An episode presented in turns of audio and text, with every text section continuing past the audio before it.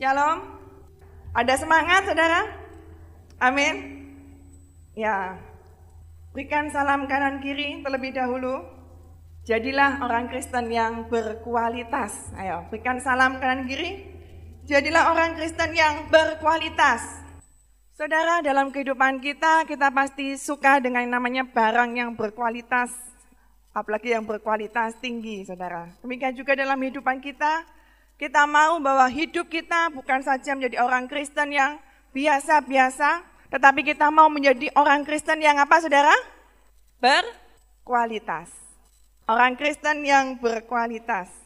Saudara, kualitas di sini bukan berarti adalah sesuatu yang berbicara kekayaan, berbicara kedudukan yang tinggi, saudara. Tapi kualitas seperti apa yang Tuhan inginkan dalam kehidupan kita. Tuhan selalu menerima diri kita apa adanya. Amin. Amin, ya. Tuhan selalu menerima diri kita apa adanya. Ini satu hal pernyataan yang saya dapat waktu saya masih kuliah, saudara. Dalam saya menghadiri sebuah ibadah, ada suatu slogan ini yang selalu saya ingat sampai sekarang. Tuhan selalu menerima diri kita apa adanya, tetapi Tuhan tidak mau kita menjadi apa adanya.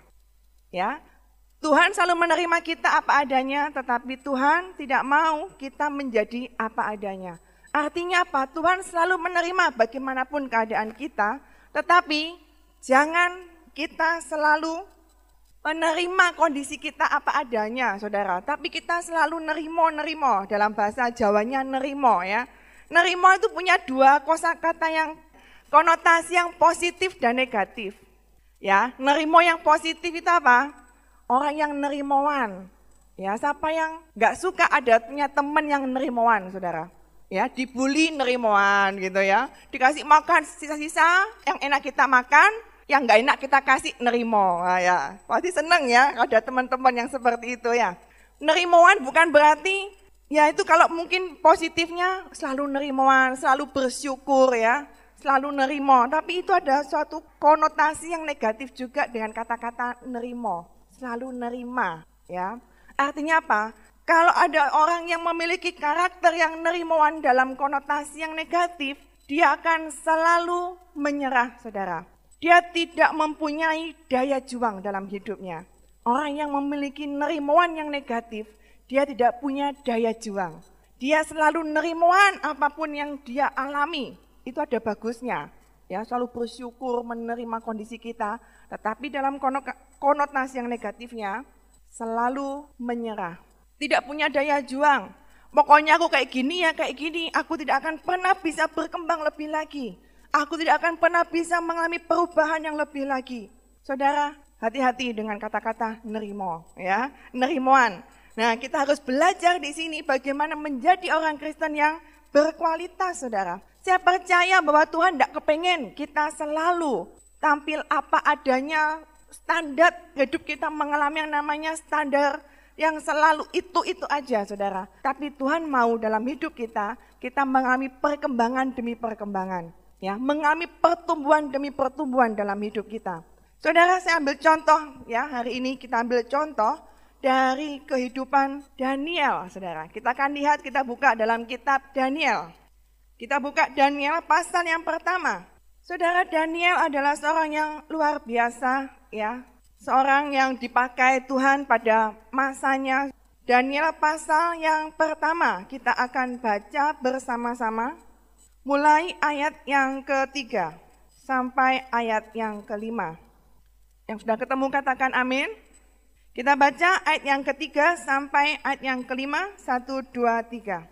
Lalu raja bertitah kepada Aspenas, kepala istananya, untuk membawa beberapa orang Israel yang berasal dari keturunan raja dan dari kaum bangsawan. Empat, yakni orang-orang muda yang tidak ada sesuatu celah, yang berperawakan baik, yang memahami berbagai-bagai hikmat, berpengetahuan banyak, dan yang mempunyai pengertian tentang ilmu, yakni orang-orang yang cakap untuk bekerja dalam istana raja, supaya mereka diajarkan tulisan dan bahasa orang Kasdim. Lima, dan raja menetapkan bagi mereka pelabur setiap hari dari santapan raja dan dari anggur yang biasa diminumnya. Mereka harus dididik selama tiga tahun dan sesudah itu mereka harus bekerja pada raja. Ayat yang keenam, saudara. Di antara mereka itu ada juga beberapa orang Yehuda, yakni Daniel, Hananya, Misael, dan Asaria. Ya, sampai di situ dulu, saudara. Dalam kitab ini, saudara, dikatakan, panggillah beberapa, ya, sudah banyak sekali yang diminta, saudara, dari keturunan orang Israel, keturunan raja dan kaum bangsawan, yaitu apa saudara? Orang-orang yang tidak ada suatu celah. Saudara, saya percaya bahwa menjadi orang Kristen yang berkualitas, saudara, yang pertama adalah kita belajar menjadi orang-orang anak-anak muda. Di sini saya lihat masih muda semua. Anak-anak muda, orang-orang muda yang tidak ada suatu celah, saudara. Kalau kriterianya seperti ini, ini cocok dijadikan sebagai jodoh, saudara ya. Ya, nanti mari gini pulang, doa sama Tuhan. Tuhan, aku minta jodoh, ya. Yang tidak ada suatu celah. Wah, ini kelihatannya sempurna, saudara. Yang berperawakan baik, ya, berpengetahuan banyak, pengertian. Wah, ini luar biasa ini ya. Nah, saudara, tapi hari ini kita nggak berdoa membahas mengenai kriteria seorang pasangan hidup, saudara tetapi kriteria menjadi orang Kristen yang berkualitas. Bagaimana kita belajar tidak bercacat celah, saudara? Saudara, tidak bercacat celah. Artinya apa? Kita belajar terus disempurnakan. Kita belajar hidup kudus di hadapan Tuhan. Apakah selama kita hidup ya kita sering merenungkan, mungkin kita di malam hari kita berdoa, kita merenungkan, Tuhan hari ini mengevaluasi diri, apa yang sudah aku buat? Salah apa yang sudah aku buat? Apa yang perlu aku perbaiki dalam hidupku? Saudara, mungkin dalam hidup kita, kita tahu firman Tuhan. Tapi kadang kita masih bisa menyimpang. Mungkin kita masih bisa marah, saudara. Kita masih bisa, mungkin kita ada jengkel sama orang. Mungkin kita nggak sengaja kita berbohong, ya, kepocut karena keterdesak. Saudara, Mungkin masih bisa kita seperti itu, tapi kita harus belajar yang namanya tidak bercacat celah. Belajar untuk bagaimana kita menahan diri kita dari dosa yang mengintip di sekitar kita. Saudara, dosa itu adalah seperti apa? Singa yang mengaum-ngaum, yang akan menerkam kita. Saudara percayalah bahwa ada peperangan rohani bahwa iblis ada di sekitar kita. Iblis selalu ada di sekitar kita untuk menjatuhkan kita. Seperti kisah Kain dan Habil ya. Di situ sepertinya ada suatu dosa yang mengintip-ngintip Kain untuk benci, untuk marah. Saudara, di situlah yang namanya peperangan rohani. Kita belajar yang namanya berperang melawan dosa, saudara. Tidak bercacat celah. Saya percaya bahwa kita dipersiapkan menjadi jemaat yang kudus, saudara. Jemaat yang kudus, yang tidak bercacat celah, yang siap dalam perkawinan anak domba. Saudara, mungkin kita belajar hidup kudus, artinya dipisahkan dari dunia. Kita belajar dipisahkan dari dunia, dari kesenangan dunia. Saudara, hati-hati di akhir zaman ini kita akan semakin dibuat pola pikir kita itu mulai menyetujui yang namanya dunia, saudara. Kita akan dibuat pola pikir kita seolah-olah bahwa apa yang terjadi itu adalah sesuatu yang normal, sesuatu yang biasa. Dan banyak penyesatan-penyesatan yang akan mulai muncul, saudara. Nah, di situlah kita harus belajar. Bagaimana agar kita tidak mengikuti arus dunia. Tapi kita tetap berpegang teguh pada firman Tuhan. Menjadi jemaat yang kudus, tidak bercacat celah di hadapan Tuhan. Saudara hati-hati, ada sesuatu hal yang kadang disamarkan di dunia ini. Kapan hari saya ada ya di grup, saudara, di grup itu ya, di bagian pendidikan. Itu ada suatu broadcast broadcast dinyatakan ada seperti ini. Ada sebuah buku di Amerika, itu luar biasa larisnya, dan itu judulnya adalah Conversation with God. Percakapan dengan Tuhan. Kelihatannya rohani, saudara. Orang-orang mungkin melihat itu judulnya seperti buku rohani. Percakapan dengan Tuhan. Bukunya di situ dibahas mengenai bagaimana anak-anak muda anak-anak remaja, mereka menanyakan unek-unek mereka dan seolah-olah di sana Tuhan yang menjawab mereka, Saudara. Jadi banyak di situ dibahas mengenai percakapan-percakapan yang umumnya ditanyakan. Misalnya, ada banyak pertanyaan ya. Salah satunya, kenapa saya kok lesbi? Kenapa kok saya homoseks? Kemudian dijawab oleh Tuhan menurut buku itu, saudara. Lesbi itu adalah suatu hal yang normal. Itu terjadi karena bla bla bla bla. Jadi dijelaskan seperti itu. Misalnya mengenai gaya pacaran, bolehkah saya ini ini ini ini? Dinyatakan boleh, kamu juga tidak mengganggu orang lain. Kamu melakukannya karena suka sama suka. Saudara, prinsip-prinsip dunia akan mulai ditebarkan di dunia ini, di akhir zaman ini. Kita belajar, saudara, jika kita tidak punya prinsip yang benar dalam firman Tuhan, kita akan mulai mengikuti arus dunia. Hati-hati, saudara, hati-hati. Sesuatu hal yang dulu merupakan hal yang tabu, sekarang dilegalkan. Sekarang dianggap suatu hal yang biasa. Kapan hari Evi menunjukkan hal yang aneh-aneh gitu ya di YouTube, saudara ada seorang pria dari Jepang menikah dengan boneka. Dia sampai menceraikan istrinya, meninggalkan anak istrinya, saudara. Sudah tua, ya, seorang laki-laki sudah tua. Dia menceraikan anak istrinya yang sudah menikah puluhan tahun. Dan kemudian dia bercerai dan hidup bersama dengan boneka. Boneka cantik sekali, saudara. Ya, boneka cantik sekali, langsing, ya, rambutnya bagus, saudara. Ya, dia mungkin membandingkan boneka itu dengan istrinya dan dia saya nggak tahu saya kurang jelas apakah dia menikah dengan dia saudara dia bawa boneka itu jalan-jalan di mall saudara. Dia belikan baju yang bagus. Dia belikan aksesoris. Dia ajak jalan-jalan di taman pakai kursi roda saudara. Itulah kegilaan di akhir zaman. Dan itu mungkin akan muncul. Kemarin Bapak Gembala juga ada yang mungkin nanti suatu saat akan dilegalkan. Manusia menikah dengan robot. Manusia menikah dengan robot-robot ciptaan manusia untuk memuaskan hawa nafsu mereka. Menikah dengan anjing, menikah dengan hewan, itu nantinya akan dibuat suatu hal yang biasa, saudara. Inilah hal-hal yang akan terjadi, saudara. Tapi bagaimana kita menyikapi dunia yang semakin jahat ini menjelang kedatangan Tuhan? Kita harus memiliki prinsip yang benar. Jangan sampai kita ikut arus dunia, itu hal-hal yang ekstrim, saudara Mungkin ada hal-hal yang mungkin tidak ekstrim, hal-hal yang mungkin kita anggap biasa, saudara. Gaya pacaran kita, jangan sampai sebelum kepernikahan yang kudus, sebelum pemberkatan yang kudus ya, jangan sampai kita melewati batas-batas yang Tuhan izinkan, saudara. Hati-hati, kalau zaman dulu orang ya, pegang tangan tuh hal yang aneh. Tapi semakin lama, semakin lama pegang tangan tuh hal yang biasa. Pelukan itu hal yang biasa. Saudara, hati-hati Ya, jagalah kekudusan kita anak-anak muda. Amin. Amin, Saudara. Amin. Jagalah tubuh kita, ya. Jagalah tubuh kita sebagai bait yang kudus dari Tuhan. Saudara, belajar kita tidak bercacat, kudus di hadapan Tuhan. Kita dipisahkan dari dunia. Jangan sampai kita menjadi sahabat dunia dan percayalah orang yang menjadi sahabat dunia itu adalah musuh bagi Tuhan, ya. Belajar Saudara, dalam apa pun yang kita lakukan, belajar menjadi teladan. Kita baca 1 Timotius 4 ayat yang ke-12, ayat hafalan. 1 Timotius 4 ayat yang ke-12. 1 Timotius 4 ayat yang ke-12 dikatakan, Jangan seorang pun menganggap engkau rendah karena engkau muda. Jadilah teladan bagi orang-orang percaya dalam perkataanmu, dalam tingkah lakumu, dalam kasihmu, dalam kesetiaanmu dan dalam kesucianmu. Ya, karena kita di sini semua anak muda, janganlah seorang pun menganggap engkau rendah karena engkau muda, Saudara. Orang muda bisa berkarya.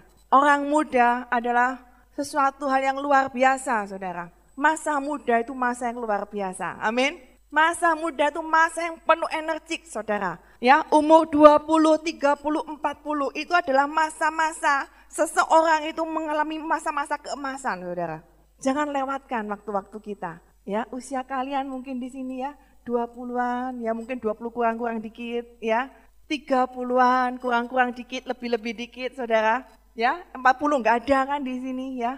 Saudara, masa-masa di mana kita bisa pakai untuk mengembangkan kerajaan Tuhan dengan begitu luar biasa. Masa-masa yang energi ketika anak-anak muda mau berikan hidupnya untuk Tuhan, Ketika kita benar-benar saudara mau menyerahkan seluruh hati kita, jiwa kita, kehendak kita kepada Tuhan, kita mau menjadi pasukan Tuhan yang militan di akhir zaman. Amin. Anak-anak muda akan Tuhan pakai dengan luar biasa. Belajar menjadi anak muda yang tidak bercacat celah, saudara. Anak muda yang menjadi contoh yang luar biasa. Yaitu apa? Menjadi teladan di dalam perkataan kita, saudara. Hati-hati dengan perkataan kita. Seringkali saudara kita nggak bisa menjaga lidah karena lidah tidak bertulang gitu ya. Saudara, sulit sekali kadang kita keceplosan ngomong. Seringkali kita mungkin menyakiti orang lain dengan perkataan kita. Seringkali mungkin kita mengucapkan kata-kata yang mengumpat, saudara. Ya, hati-hati, saudara. Mungkin ada mungkin di antara kita yang masih kebiasaan, kebiasaan lama kita bawa, saudara. Manusia lama masih kita bawa, masih suka ngomong kotor, masih suka ngumpat-ngumpat. Mungkin kita ngalami kondisi yang tidak enak, kita mulai ngumpat saudara. Ngomong dewi ya, ngomong dewi itu ngumpat-ngumpat. Apalagi mungkin ngumpatin orang lain. Hati-hati saudara, apalagi engkau mungkin adalah pelayan Tuhan. Jangan sampai kita menjadi pelayan Tuhan, tapi tidak menunjukkan sikap sebagai seorang pelayan Tuhan. Saudara hati-hati dengan perkataan kita. Jaga perkataan kita. Ya, Seringkali kita mudah tersinggung, mudah juga menyinggung orang lain dengan perkataan. Ya, hati-hati, belajar menjadi teladan dalam perkataan, di dalam tingkah laku. Tingkah laku kita, Saudara, sudahkah menjadi teladan bagi orang lain? Ya, menjadi teladan di dalam kasih kita, dalam kesetiaan, di dalam kesucian kita. Amin, Saudara. Ya, jadilah anak muda yang menjadi teladan. Saudara, yang pertama apa? Berkualitas menjadi orang anak muda, orang Kristen yang tidak bercacat celah. Amin. Ingat-ingat yang pertama. Yang kedua saudara, tadi dalam kitab Daniel, kita kembali ke kitab Daniel pasal yang pertama tadi. Yang kedua apa saudara? Yang pertama adalah orang muda yang tidak ada suatu celah. Yang kedua adalah berperawakan baik. Ya, Orang Kristen yang berkualitas itu berperawakan baik. Coba lihat kanan kirinya. Perawakannya baik apa enggak? Nah, sering kali saudara, berperawakan baik itu kita identikan dengan tubuh dengan tubuh jasmani yang langsing, ya, yang wajahnya cantik, yang ganteng, tubuhnya ideal, tinggi besar, ya. Mungkin kalau cewek itu seperti Pragawati, gitu ya, itu adalah berperawakan baik, saudara. Kalau yang laki-laki seperti Aderai, itu ya berperawakan baik. ya, Mungkin saudara banyak bayangan-bayangan dalam pikiran kita. Berperawakan baik itu seperti apa saudara? Ternyata ini menjadi salah satu daftar ya bagaimana kita menjadi orang Kristen yang berkualitas itu berperawakan baik. Berperawakan baik artinya bagaimana saudara? Kita belajar menjaga dan merawat tubuh kita dengan baik saudara. Ya, berperawakan baik bukan yang saya sebutkan tadi ya yang tingginya 180 cm, saudara. Yang cewek 170 cm. Saudara itu namanya sudah bawaan dari lahir, kita nggak bisa ngomong ya. Ya, nggak bisa ngomong. Ya wajahnya ya kayak gini, ya. Ya sudah nggak bisa diubah. Jangan diubah dengan operasi plastik, malah jadi orang yang berbeda, saudara. Ya, sama KTP-nya kok nggak sama gitu ya. Bukan berarti kita berperawakan baik mengoperasi plastik, setelah itu hidung kurang mancung kita operasi saudara supaya mancung. Enggak saudara. Tapi kita belajar berperawakan baik artinya orang Kristen yang berkualitas itu juga harus merawat tubuh kita saudara. Saudara banyak hamba Tuhan atau mungkin orang-orang yang dipakai Tuhan itu tidak bisa menyelesaikan pertandingannya dengan baik saudara. Itu karena apa? Tidak menjaga kesehatan. Melayani terlalu keras, saya nggak melarang. Kalian yang sudah bekerja keras melayani Tuhan luar biasa. Tiap hari latihan ya, uh, hari Senin ada doa, Selasa ada latihan tamborin, Rabu ada rekom, ya, Kamis ada ini gitu ya. Pokoknya tiap hari penuh dengan acara gereja. Tidak apa-apa saudara, saya tidak melarang. Tuhan pun tidak melarang saudara. Tetapi yang saya mau tekankan di sini bagaimana kita menjaga keseimbangan dalam aktivitas kita bahwa apa yang kita lakukan, kita jangan sampai memforsir tubuh kita, saudara. Kita harus seimbang. Jangan sampai ada satu pengajaran yang mengatakan, ayo menderita demi Tuhan. Kita harus seimbang, saudara. Tidak apa-apa, kita harus menderita demi Tuhan. Kita mengorbankan semuanya. Tapi Tuhan juga pengen kita menjaga tubuh kita. Kita merawat tubuh kita. Ya, di dalam 1 Korintus dikatakan apa Saudara? Kita baca 1 Korintus 6 ayat 19. 1 Korintus 6 ayat yang ke-19. 1 Korintus 6 ayat 19 sampai 20. Kita baca sama-sama 1 2 3. Atau tidak tahukah kamu bahwa tubuhmu adalah bait Roh Kudus yang diam di dalam kamu, Roh Kudus yang kamu peroleh dari Allah dan bahwa kamu bukan milik kamu sendiri. 20. Sebab kamu telah dibeli dan harganya telah lunas dibayar. Karena itu muliakanlah Allah dengan tubuhmu. Muliakanlah Allah dengan tubuh kita. Jaga kesehatan kita, saudara. Jangan ketika kita masih muda, kita makan semuanya. Makan semuanya pokoknya, saudara. Apalagi kalau kita sedang liburan, kita kuliner. Kita coba-coba semua macam daging, saudara. Ya, Daging tikus belum pernah, gitu. Coba makan daging tikus. Ada yang seperti itu mungkin? Ya, daging celeng, daging babi, ya daging apa pun, daging anjing, semuanya dicoba semua. Toh masih muda. Saudara kita belajar merawat tubuh kita. Daniel adalah sebuah contoh yang baik. ya. Kalau kita baca kelanjutannya, kita buka lagi Daniel pasal yang pertama, saudara. Daniel pasal yang pertama, kita lihat bahwa pada masa itu mereka diberikan santapan raja. Jadi orang-orang yang berkualitas ini, saudara, mereka harus memakan santapan raja. Kenapa? Karena pada masa itu dianggap santapan raja itu pasti yang bergizi, ya kan? Makanan-makanan orang yang kaya, ya, makan orang raja pasti kan bergizi, saudara. Ya, banyak dagingnya, semuanya pokoknya luar biasa. Nah, mereka dianggap akan menjadi orang yang berperawakan baik, sehat apabila mereka memakan santapan raja. Tetapi kalau kita lihat saudara, ayat yang ke-8, pasal 1 ayat yang ke-8, Daniel berketetapan tidak menajiskan dirinya dengan santapan raja dan dengan anggur yang biasa diminum raja. Dimintanyalah kepada pemimpin pegawai istana itu supaya ia tidak usah menajiskan dirinya.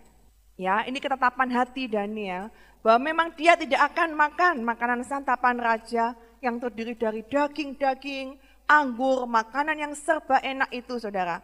Dan dia memiliki ketetapan hati bahwa dia hanya minum apa? minum air putih, dan makan sayur-sayuran. Ya, inilah yang akhirnya dibuat patokan menjadi puasa Daniel. Puasa Daniel. Saudara, mungkin dulu kita pernah puasa Daniel atau mungkin ya sekarang masih puasa Daniel, Saudara. Itu bagus ya. Jadi jangan ditertawakan kalau temannya lagi puasa Daniel. Weh, nggak bisa makan daging, dimingi-mingi daging gitu, Saudara ya. Saudara, itu hal yang baik.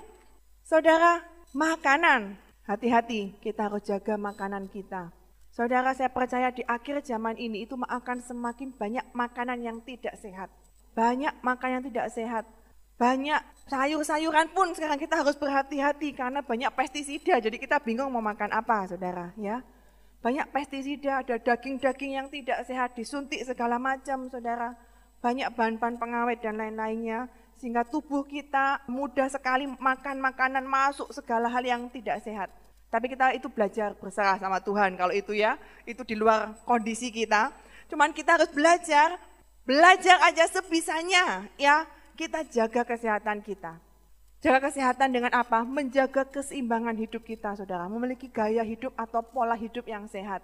Pola hidup yang tidak sehat, mungkin kau punya kerinduan melayani Tuhan sampai kakek nenek yang kau rindu dipakai Tuhan, engkau rindu melayani di kota-kota, di desa-desa, di pulau-pulau, atau di mana pun Tuhan utus engkau, saudara. Tapi jika engkau sakit-sakitan, saudara, engkau nggak bisa melayani Tuhan.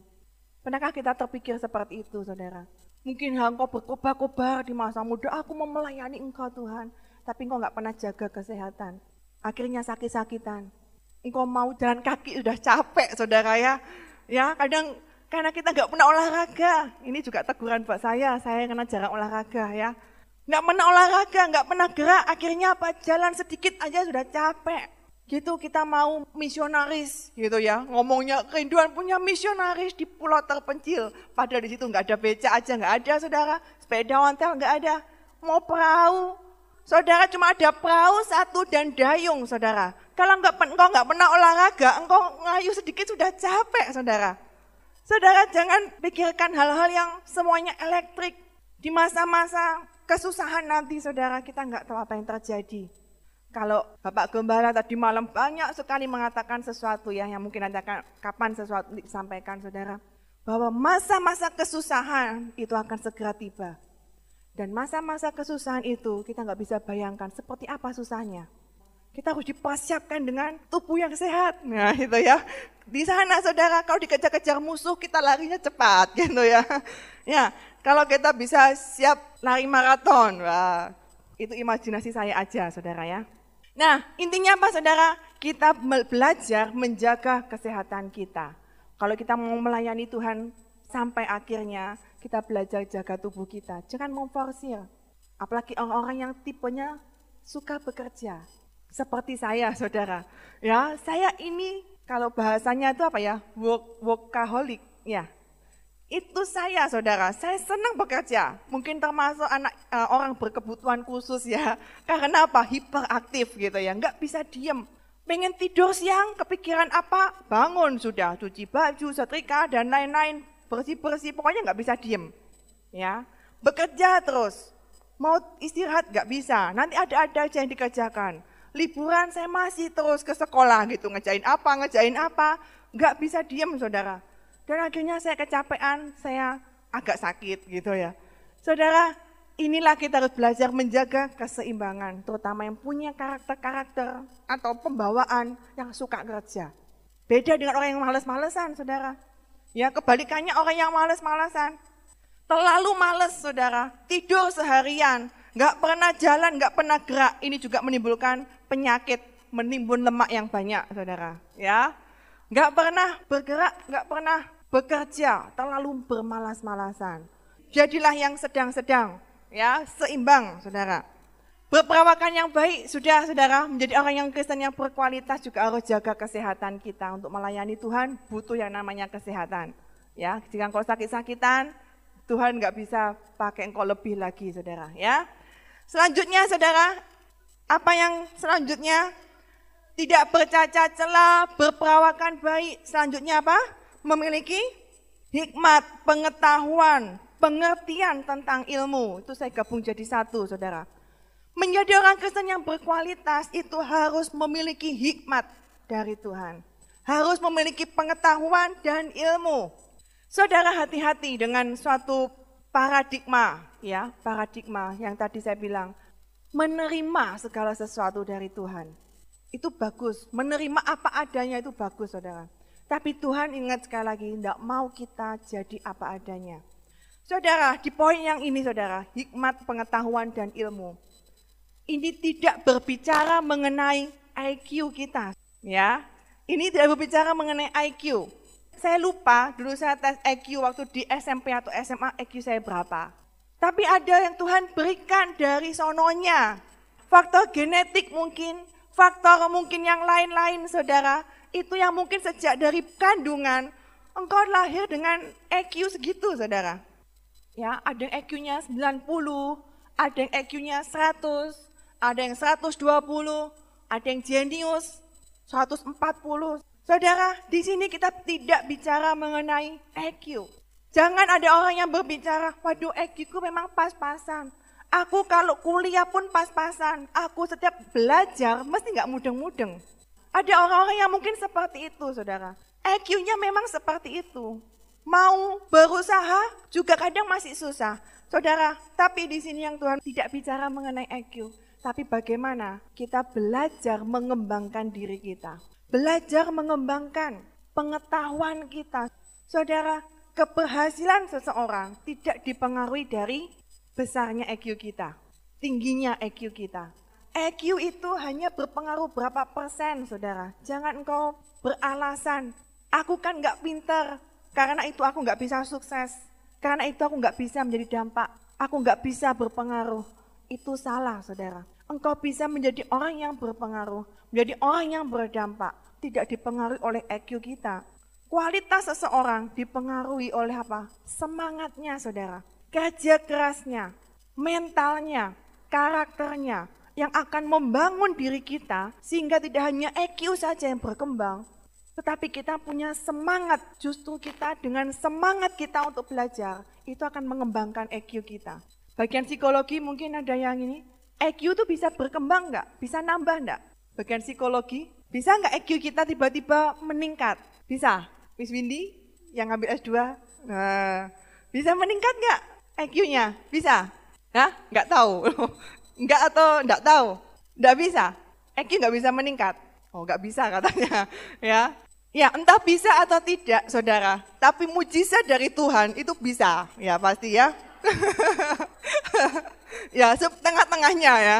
Menurut ilmu mungkin nggak bisa, gitu ya. Kalau menurut Tuhan bisa. Saudara, EQ, jangan berpatok pada EQ, saudara. Ketika kita memiliki roh yang takut akan Tuhan, kita hidup di dalam Tuhan, yang penting saudara, jangan engkau bermalas-malasan. Ada orang-orang tertentu yang memiliki mental atau mungkin kutuk ya yang selalu nggak pernah bisa maju saudara. Mau maju tuh nggak bisa, itu harus kita patahkan. Karena saya pas-pasan terus, ya hidup kita pas-pasan terus. Pengetahuannya terbatas. Saudara, untuk menjadi orang yang berdampak, menjadi orang yang dipakai Tuhan di akhir zaman, butuh anak-anak muda yang berkualitas. Orang Kristen yang berpengaruh. Dengan apa? Memiliki hikmat, pengetahuan, dan ilmu yang dari Tuhan. Saudara, jangan bawa kamu ngomong bahwa orang Kristen Wes pokoknya ya terima kayak gini tuh Tuhan pasti akan mengurapi aku, pasti akan menyertai aku, tapi kita nggak ada usaha saudara. Itu yang sering kali kita mengrohanikan sesuatu. Bahwa Tuhan pasti menyertai aku, menolong aku, pasti Tuhan, pokoknya pasti-pasti Tuhan. Tapi kita sendiri nggak ada bagian yang kita kerjakan. Saudara, sesuatu akan berhasil itu jika ada kerjasama antara diri kita dan Tuhan. Tuhan menyertai kita, memberikan kasih karunia pada kita, tapi jika kita tidak mau berusaha, itu juga tidak akan ada hasilnya, saudara. Jika kita memiliki visi yang besar buat bangsa kita, kebangunan rohani di akhir zaman, di masa-masa kesusahan, kebangunan rohani akan terjadi, pemulihan besar akan terjadi. Bagaimana anak-anak muda di tempat ini akan dipakai Tuhan? Ada orang yang akan dipakai Tuhan, mungkin di pemerintahan, Jadilah dampak di sana, saudara. Dengan ilmu pengetahuan yang kita miliki, jadilah dampak, jadilah orang yang berpengaruh di bidangmu, saudara. Dulu, saudara, saya punya, karena saking dulu ya waktu SMA, saking saya cintanya sama Tuhan, ya nggak pengen kuliah, saudara. Setelah kuliah pun mungkin ada yang merasa bahwa saking cintanya sama Tuhan, kita baca firman Tuhan, apalagi di gereja ini sering kali nyanyi, semuanya sia-sia gitu ya. Dan tidak berarti lagi. Jadi kita merasa bahwa ijazah S1, S2 kita sia-sia semua saudara. Ilmu kita, kita anggap semuanya sia-sia dan tidak berarti karena kita ikut Tuhan. Itu salah saudara. Justru pakailah ilmu kita, pengetahuan kita. Karena itu kalau yang kuliah belajar yang sungguh-sungguh. Supaya apa? Ilmu kita bisa kita gunakan untuk kerajaan Tuhan. Tapi jika ilmu hanya kau gunakan untuk kebanggaanmu sendiri, itu yang sia-sia saudara. Karena itu yang sudah S2 ijazahnya segera diambil gitu ya. Jangan ngomong ini sia-sia gitu ya saudara. Sehingga nggak diambil-ambil ijazahnya. Sehingga wah disobek-sobek gitu ya ijazahnya S2-nya nah, gitu saudara. Saudara, jangan kita berpikiran yang sempit. Tuhan bisa pakai kita di segala bidang dengan ilmu pengetahuan yang Tuhan berikan kepada kita, hikmat yang dari Tuhan itu akan berguna bagi kerajaan Tuhan. Amin, saudara. Di sini jangan ada yang malas belajar, saudara. Jika panggilanmu memang untuk menjadi berkah di bidang tertentu untuk belajar, belajarlah, saudara. Ya, kalau dulu kita punya visi untuk membuat obat-obatan herbal, ya. Mungkin yang masih punya kerinduan di sana, realisasikan. Belajar, belajar itu enggak ada batasnya, saudara. Enggak ada batas engkau selesai kuliah, lulus, engkau berhenti belajar. Belajar itu adalah seumur hidup. Ya, visi Tuhan butuh orang yang pintar. Amin. Amin, saudara. Amin. Ya, visi Tuhan butuh orang yang pintar. Pintar menurut Tuhan. Ya, bukan bicara EQ, tapi pintar sesuai dengan apa yang Tuhan akan berikan padamu, saudara. Sesuai dengan visi yang Tuhan akan berikan pada kita. Jadi karena itu jangan malas belajar, saudara. Memiliki kualitas, tunjukkan bahwa kita memiliki kualitas yang lebih dari orang-orang lain, saudara. Muliakan Tuhan dengan kepandaian kita. Muliakan Tuhan dengan ilmu yang Tuhan percayakan kepada kita. Amin, saudara. Ya, yang kuliah, yang masih kuliah, semangat belajar. Ya, semangat belajar. Yang bekerja tidak akan pernah berhenti belajar, saudara. Engkau bekerja pun akan mempelajari satu hal yang baru. Dan jika engkau malas-malasan, engkau nggak akan pernah bisa berkembang, saudara. Nggak akan pernah bisa berkembang. Selalu ada sesuatu hal yang baru dalam hidup ini, saudara. Jadi nggak akan pernah bisa berhenti belajar. Amin. Selanjutnya, saudara, kalau kita lihat Daniel, ya, apa yang terjadi saudara? Ketika Daniel tidak mau makan makanan yang diberikan santapan raja tadi, dia makan makanan sayur. Nah ini rahasia yang mau pinter saudara ya. Makan sayur ya, minum minuman, air putih saudara, air minum air putih. Jadi kalau pergi keluar jangan selalu minum es teh, Sprite, Fanta saudara. Minumlah minuman-minuman yang sehat dan bergizi saudara. Minumlah susu kedelai, minumlah sinom ya, minumlah apa? Apa? Air putih lagi saudara ya. Jadi minumlah minuman yang sehat ya. Jangan sampai kita tertunda, oh, bukan tertunda, terhenti panggilan kita hanya karena kesehatan saudara. Empat orang ini dites dengan orang-orang lain, anak-anak muda yang lain yang makan makanan santapan raja. Ternyata mereka lebih, ayat yang ke-15 saudara kau lihat, perawakan mereka lebih baik dan lebih gemuk Wah, siapa yang gemuk jangan merasa merasa itu jelek saudara. Ternyata lebih gemuk itu bagus loh saudara ya. ya di sini ngomong lebih gemuk. Nah, berarti yang kurus-kurus itu berarti mungkin kurang gizi saudara ya. Nah, gemuk itu bagus ya. Tapi jangan gemuk karena banyak lemak ya. nah, saudara di sini ternyata 10 hari lebih perawakannya lebih bagus, lebih gemuk ya daripada orang yang makan santapan raja dan saudara lihat ayat yang ke-17, kepada keempat orang muda itu Allah memberikan pengetahuan dan kepandaian tentang berbagai-bagai tulisan dan hikmat. Sedang Daniel juga mempunyai pengertian tentang berbagai-bagai penglihatan dan mimpi. Nah itu saudara. Ayat yang selanjutnya ayat yang ke-20. Dalam tiap-tiap hal yang memerlukan kebijaksanaan dan pengertian yang ditanyakan raja kepada mereka, Didapatinya bahwa apa? Mereka sepuluh kali lebih cerdas daripada semua orang berilmu dan semua ahli jampi di seluruh kerajaannya. Saudara, inilah harusnya kita menjadi orang Kristen, menjadi orang Kristen yang berkualitas di akhir zaman. Sepuluh kali lebih cerdas daripada orang-orang yang lain, daripada orang-orang dunia, saudara. Ketika engkau hidup yang takut akan Tuhan, Tuhan akan berikan hikmat yang dari surga, tidak dipengaruhi oleh IQ-mu, saudara, Hikmat itu akan datang dari atas. Saudara, biarlah ini memotivasi kita. Jangan jadi orang yang bermalas-malasan. Miliki pengetahuan yang dari Tuhan, ilmu yang dari Tuhan. Tuhan bisa pakai kita untuk menaklukkan dunia ini dengan ilmu, hikmat, pengetahuan dari Tuhan. Siapa tahu dari sini ada yang menjadi penemu-penemu, saudara, ya, yang akan memuliakan Tuhan lewat penemuannya. Amin. Penemu obat herbal, ya. Siapa di sini ya, yang farmasi, penemu apa saudara? Di mana obat herbal itu kau doakan terlebih dahulu. Sehingga setiap orang yang minum obat itu akan merasakan kuasa Tuhan. Nah ini kan suatu hal yang luar biasa saudara. Engkau akan mulai membuat klinik di sana. Kau doakan di sana, kau berikan obat itu saudara. Ini adalah suatu hal yang bisa kita kerjakan melalui kecerdasan yang Tuhan berikan. Ya.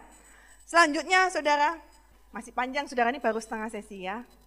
Kalau kita lihat menjadi orang Kristen yang berkualitas, selanjutnya adalah kita belajar memiliki iman yang berkualitas. Apa saudara? Iman yang berkualitas. Tidak hanya sedang kau punya kepandaian yang berkualitas, punya perawakan yang berkualitas, karakter tidak bercacat celah saudara, tapi memiliki iman yang berkualitas. Iman yang berkualitas seperti apa saudara kalau kita baca di Daniel pasal yang ketiga mengenai perapian yang menyala-nyala. Saya nggak akan bahas semuanya, kita mungkin sudah tahu ceritanya saudara. Iman yang berkualitas seperti iman Sadrah, Mesak, dan Abednego. Pada masa itu, Raja Nebukadnezar membuat sebuah patung yang besar. Semua rakyat harus sujud menyembah kepada patung itu. Dan siapa yang tidak mau sujud menyembah patung itu, maka harus dibakar, dimasukkan ke dalam perapian yang menyala-nyala, saudara. Tetapi saudara lihat bagaimana iman mereka saudara. Saya percaya bahwa di akhir zaman ini mungkin akan ada berhala-berhala yang dibangun oleh dunia yang memaksa kita untuk belajar tunduk kepada mereka, saudara. Mungkin nantinya akan terjadi mungkin angkatan 666, saudara. Sebuah patung 666 gitu ya. Atau sesuatu apa pun itu tanda 666. Jika engkau tidak mau pakai tanda ini di dahimu atau di tanganmu, maka engkau akan dibunuh. Saudara, di akhir zaman ini kita butuh memiliki iman yang berkualitas. Ada banyak berhala-berhala yang akan dibuat oleh manusia agar kita menyembah kepada berhala-berhala itu. Tapi bagaimana iman yang berkualitas? Kita belajar tidak tunduk kepada berhala-berhala itu, saudara. Kita tidak tunduk kepada kesenangan-kesenangan dunia kita. Berhala-berhala yang mungkin tidak kelihatan, yang minggu lalu mungkin diceritakan oleh Bapak Gembala. Android mungkin sudah diberhala buat kita, saudara. HP-HP yang canggih sudah jadi berhala buat kita. Tiap hari kalau nggak bawa HP rasanya nggak enak, saudara. Kalau ke mana-mana kalau nggak lihat HP rasanya ada yang ketinggalan. Saudara, itu mungkin jadi berhala dalam hidup kita. Hati-hati, saudara. Berhala-berhala yang mungkin tidak kelihatan seperti patung. Tidak kelihatan kalau itu berhala, itu yang lebih berbahaya. Tapi kita belajar punya iman yang berkualitas. Seperti Sadrah, Mesak, dan Abednego. Mereka tetap memuja, menyembah kepada Allah mereka. Kepada Tuhan mereka. Mereka tidak sujud menyembah kepada berhala itu. Walaupun mereka harus dihukum mati. Mereka masuk ke dalam perapian. Tetapi mereka tetap mempertahankan iman mereka. Saudara, mampukah kita mempertahankan iman kita di akhir zaman ini? Saudara, di akhir zaman ini, bisakah kita mempertahankan iman kita? Firman Tuhan dalam kitab Matius dikatakan apa saudara? Ketika aku datang ke muka bumi ini, apakah aku akan mendapati iman? Saudara, ketika Yesus datang kedua kali, apakah Tuhan akan mendapati iman di dalam hidup kita, di dalam hati kita, saudara? Saudara kita baca pasal 3 ayat yang ke-16. Daniel pasal 3 ayat yang ke-16 dikatakan, Lalu Sadrah, Mesak, dan Abednego menjawab Raja Nebukadnezar, tidak ada gunanya kami memberi jawab kepada Tuanku dalam hal ini. Jika Allah kami yang kami puja sanggup melepaskan kami, maka ia akan melepaskan kami dari perapian yang menyala-nyala itu dan dari dalam tanganmu ya Raja. Tetapi seandainya tidak, hendaklah Tuanku mengetahui ya Raja, bahwa kami tidak akan memuja dewa Tuanku dan tidak akan menyembah patung emas yang tuanku dirikan itu. Saudara, iman mereka sampai dibuat lagu ya, sekalipun Tuhan tidak menolongku, sekalipun ya, sekalipun aku tidak mendapatkan apa yang aku inginkan, kita tetap menyembah kepada Tuhan, Saudara. Saudara, iman yang seperti ini bukan iman Kristen yang tempe, Saudara. Iman Kristen tempe itu apa? Saudara, selalu kepengen apa yang diinginkan itu terkabul banyak orang Kristen yang kepahitan kepada Tuhan. Banyak orang-orang yang kepahitan kepada Kristen, kepahitan kepada gereja, nggak mau ke gereja lagi. Kenapa? Karena merasa doanya nggak mau dijawab oleh Tuhan. Karena merasa hidupnya selalu pahit. Karena Tuhan itu jahat, saudara. Saudara, orang Kristen yang seperti ini harus belajar memiliki iman yang berkualitas. Iman yang berkualitas itu bukan iman yang nerimuan yang tadi, saudara tapi iman untuk teguh di dalam Tuhan. Tuhan pasti akan berikan apa yang aku inginkan. Jika tidak, aku pun tetap tidak akan berhenti menyembah Tuhan. Amin saudara. Belajar iman yang berserah kepada Tuhan. Iman yang berserah, iman yang tidak menyerah kepada dunia. Di masa-masa kesusahan saudara di akhir zaman saya tidak bisa membayangkan. Di masa-masa penganiayaan mungkin ya yang di Cina mungkin pernah alami saudara kita di sini bersyukur masih mengalami masa-masa yang masih bebas beribadah, saudara. Jika ada masa-masa kita harus dipersulit dalam ibadah kita mungkin. Ketika ditemukan Alkitab ya, ketika saya pernah me melihat video ya, Voice of Martyr, saudara. The Voice of Martyr. Bagaimana mereka harus mempertahankan iman mereka. Di negara-negara tertentu mereka membawa Alkitab aja nggak boleh, saudara. Ketika ada Alkitab itu harus di, dibakar. Ada orang Kristen yang mereka akhirnya mau nyobek-nyobek potongan-potongan Alkitab ini, saudara. Ketika di penjara, mereka menyobek-nyobek dan dilipat-lipat kecil, disembunyikan, disaku di mana supaya mereka bisa baca firman Tuhan, saudara.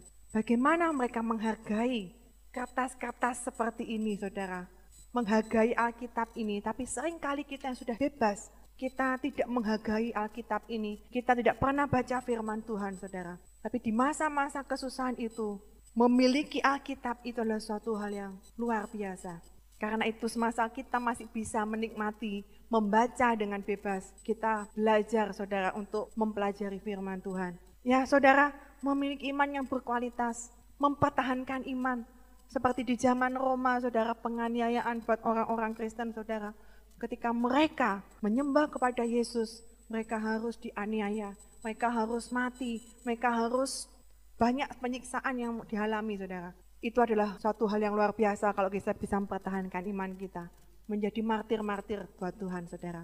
Tapi jangan takut, saudara. Engkau yang nggak punya karunia martir nggak akan menjadi martir, saudara. Amin. Ya, kalau nggak punya karunia martir nggak akan jelas ya. Walaupun disebut-sebut setiap kali jelas ya. Jadi, saudara, Jangan takut, tetap beriman kepada Tuhan. Amin. Selanjutnya saudara, masih ada selanjutnya ya. Selanjutnya kalau kita lihat uh, tiga orang Sadrah Mesak Abednego mereka dibebaskan Tuhan saudara untuk menyatakan kemuliaan Tuhan. Apa pun yang terjadi akan menyatakan kemuliaan Tuhan. Ya, sampai akhirnya apa? Raja Nebukadnezar pun meminta orang-orang untuk menyembah kepada Allahnya Sadrah Mesak dan Abednego.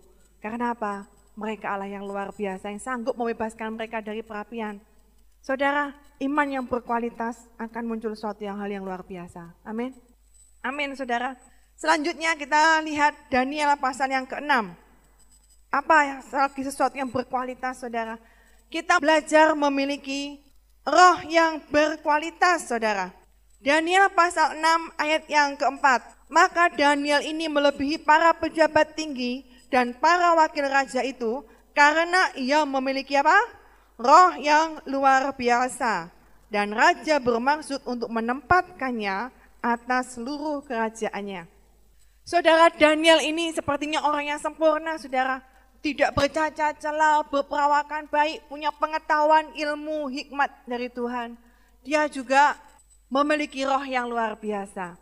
Saudara menjadi orang Kristen di akhir zaman, kita belajar memiliki roh yang berkualitas. Roh yang luar biasa. Roh itu dari dalam, saudara. Roh itu adalah bagaimana hubungan kita dengan Tuhan. Bagaimana kita menjaga roh kita yang berkualitas. Kita lihat bahwa di sini Daniel memiliki kebiasaan. Apa saudara ayat yang ke-11? Dia suka berdoa. Tiga kali sehari ia berlutut berdoa memuji Allahnya seperti yang biasa ia lakukan. Roh yang kecil saudara ini ya, bukan roh kudus, tapi roh kita, roh manusia, itu dibangun dengan hubungan kita dengan Tuhan. Bagaimana hubungan kita dengan Tuhan hari-hari ini saudara? Mungkin kita punya pengetahuan yang luar biasa, kita punya hikmat yang luar biasa, tapi jika kita nggak punya roh yang luar biasa, semuanya sia-sia saudara. Semuanya ini harus berjalan menjadi satu, saudara. Roh yang berkualitas, hubungan kita dengan Tuhan yang berkualitas, bagaimana kita membangunnya dengan beribadah kepada Tuhan, dengan bersekutu dengan Tuhan, dengan kita berdoa, merenungkan firman-Nya. Itu yang akan membangun roh kita menjadi roh yang berkualitas. Amin. Kedatangan Tuhan yang kedua kalinya, kita akan meninggalkan tubuh jasmani kita. Ya, Perawakan yang baik nggak ada gunanya, saudara. Tapi roh yang berkualitas, roh yang luar biasa, itulah yang akan diangkat oleh Tuhan. Amin. Di masa-masa pengangkatan, kita akan tanggalkan tubuh kita, kita akan naik ke atas awan-awan, roh kita akan diangkat. Nah, roh yang tidak diangkat itu berarti roh yang tidak berkualitas, saudara. Ya, kayak itu bangun roh kita mulai hari-hari ini menjadi roh yang berkualitas. Amin, saudara. Nah, Doa yang berkualitas selanjutnya saudara.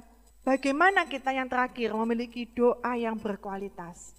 Orang Kristen wajib memiliki doa yang berkualitas. Bukan doa yang hanya meminta-minta. Tuhan aku minta jodoh. Tuhan aku minta kekayaan. Kalau dalam podcast tadi malam Bapak Gembala menyatakan, doa mencari jodoh, mencari mungkin kau pengen kekayaan, pengen kedudukan, itu bukanlah pokok doa kita saudara. Itu adalah suatu hal yang pasti Tuhan akan berikan sesuai dengan kehendak Tuhan. Kehidupan realita kehidupan kita itu nggak perlu kita doakan sampai gimana-gimana saudara. Saudara, tapi pokok doa kita itu bagaimana? Bagaimana ada suatu kebangunan saudara. ada suatu pemulihan, ada suatu perubahan. Itulah pokok doa yang benar. Doa yang berkualitas, saudara, seperti yang didoakan oleh Daniel pada pasal yang ke-9. Nanti saudara bisa baca sendiri, ya, itu panjang sekali. Bagaimana Daniel berdoa untuk pemulihan, untuk kebangunan, saudara, untuk ada suatu pertobatan, minta ampun, saudara. Itulah doa yang berkualitas. Doa tidak hanya untuk diri sendiri. Aku Tuhan, aku Tuhan, aku Tuhan. Saudara, Tuhan akan berikan sesuai dengan waktunya apa yang kau doakan untuk dirimu sendiri. Tapi pokok doa yang benar bagaimana kita mau berdoa buat generasi ini saudara. Buat pemulihan, buat kebangunan rohani, untuk mempersiapkan, membangun kerajaan Tuhan. Hidup kita bukan untuk diri kita sendiri. Jangan sampai kita hidup ini hanya untuk membangun kerajaan kita sendiri saudara. Karena semua kerajaan kita sendiri itu akan lenyap. Semuanya akan sia-sia. Amin, saudara. Amin. Kita akan selesai. Kita akan baca ayat yang terakhir, Kolose 1 ayat yang ke-9. Kolose 1 ayat yang ke-9. Ya, pemain musik silakan maju ke depan beserta para singer worship leader. Kolose 1 ayat yang ke-9, kita baca sama-sama sampai ayat yang ke-14. 1 2 3. Sebab itu, sejak waktu kami mendengarnya, kami tiada berhenti-henti berdoa untuk kamu. Kami meminta supaya kamu menerima segala hikmat dan pengertian yang benar untuk apa saudara? Mengetahui kehendak Tuhan dengan sempurna. Sehingga hidupmu layak di hadapannya, serta berkenan kepadanya dalam segala hal, dan kamu memberi buah dalam segala pekerjaan yang baik, dan bertumbuh dalam pengetahuan yang benar tentang Allah. 11 dan dikuatkan dengan segala kekuatan oleh kuasa kemuliaannya untuk menanggung segala sesuatu dengan tekun dan sabar. 12. Dan mengucap syukur dengan sukacita kepada Bapa yang melayakkan kamu untuk mendapat bagian dalam apa yang ditentukan untuk orang-orang kudus di dalam kerajaan terang. 13. Ia telah melepaskan kita dari kuasa kegelapan dan memindahkan kita ke dalam kerajaan anaknya yang kekasih. 14 di dalam dia kita memiliki penebusan kita, yaitu pengampunan dosa. Amin. Kita mau berdoa bersama saudara.